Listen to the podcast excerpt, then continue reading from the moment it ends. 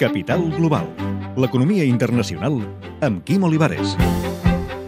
Els humans som animals socials i la manera com interaccionem amb la irrupció de les xarxes socials és una eina pels economistes per predir quines decisions prendrem.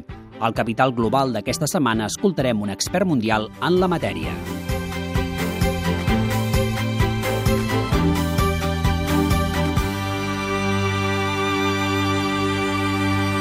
It's a great pleasure to be part of an important opening ceremony of a university. And, És Matthew uh, Jackson, economista nord-americà expert en xarxes socials i econòmiques a la sessió inaugural del curs de la Universitat Pompeu Fabra. Per aquest professor de Stanford, a Califòrnia, cal començar per analitzar com és una societat. L'estructura social impacta en la manera com ens comportem, en el que creiem, en qui votem, quins productes triem, quines accions econòmiques prenem.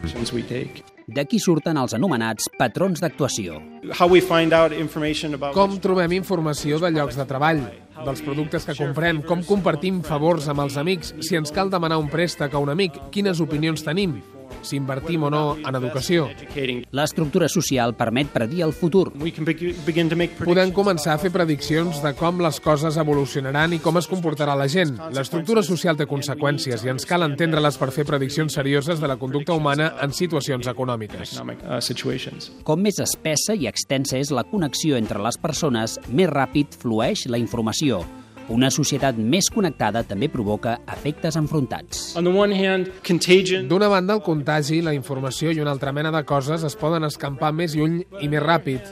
Però de l'altra pot passar que si estic en contacte amb més persones, no parlaré amb elles tan sovint com si tingués menys gent amb qui parlar. Tinc més amics, però no em comunico amb ells tan sovint, com si en tingués menys. Per aquest economista, cada vegada més la gent ja no pren les decisions en solitari. Perquè els individus prenen decisions en funció del que fan altres grups i de la gent que els envolta, i hem de prendre en consideració aquest punt de vista més holístic quan formulem polítiques econòmiques. Llavors, els economistes busquen els consumidors que marquen tendència. Hi ha aquesta idea de màrqueting viral, les coses s'escampen pel boca orella. Hi ha l'efecte bola de neu, com més gent ho sàpiga, més gent en parla, més s'escampa. Però l'element clau és quines són les primeres persones amb qui cal contactar perquè comenci aquest efecte bola de neu. La globalització ha portat que la informació i els diners viatgin ràpidament arreu del món, però això també ens fa més vulnerables. En economia ens pot interessar el contagi financer. Una cosa colpeja algú i s'escampa a altres llocs. Això fa el món més petit en termes de propagació. Aquesta interconnectivitat, l'any passat hi havia més de 2.400 milions d'internautes al món, també comporta una societat més dividida. Podrem mantenir relacions i estar en contacte amb gent que és més lluny.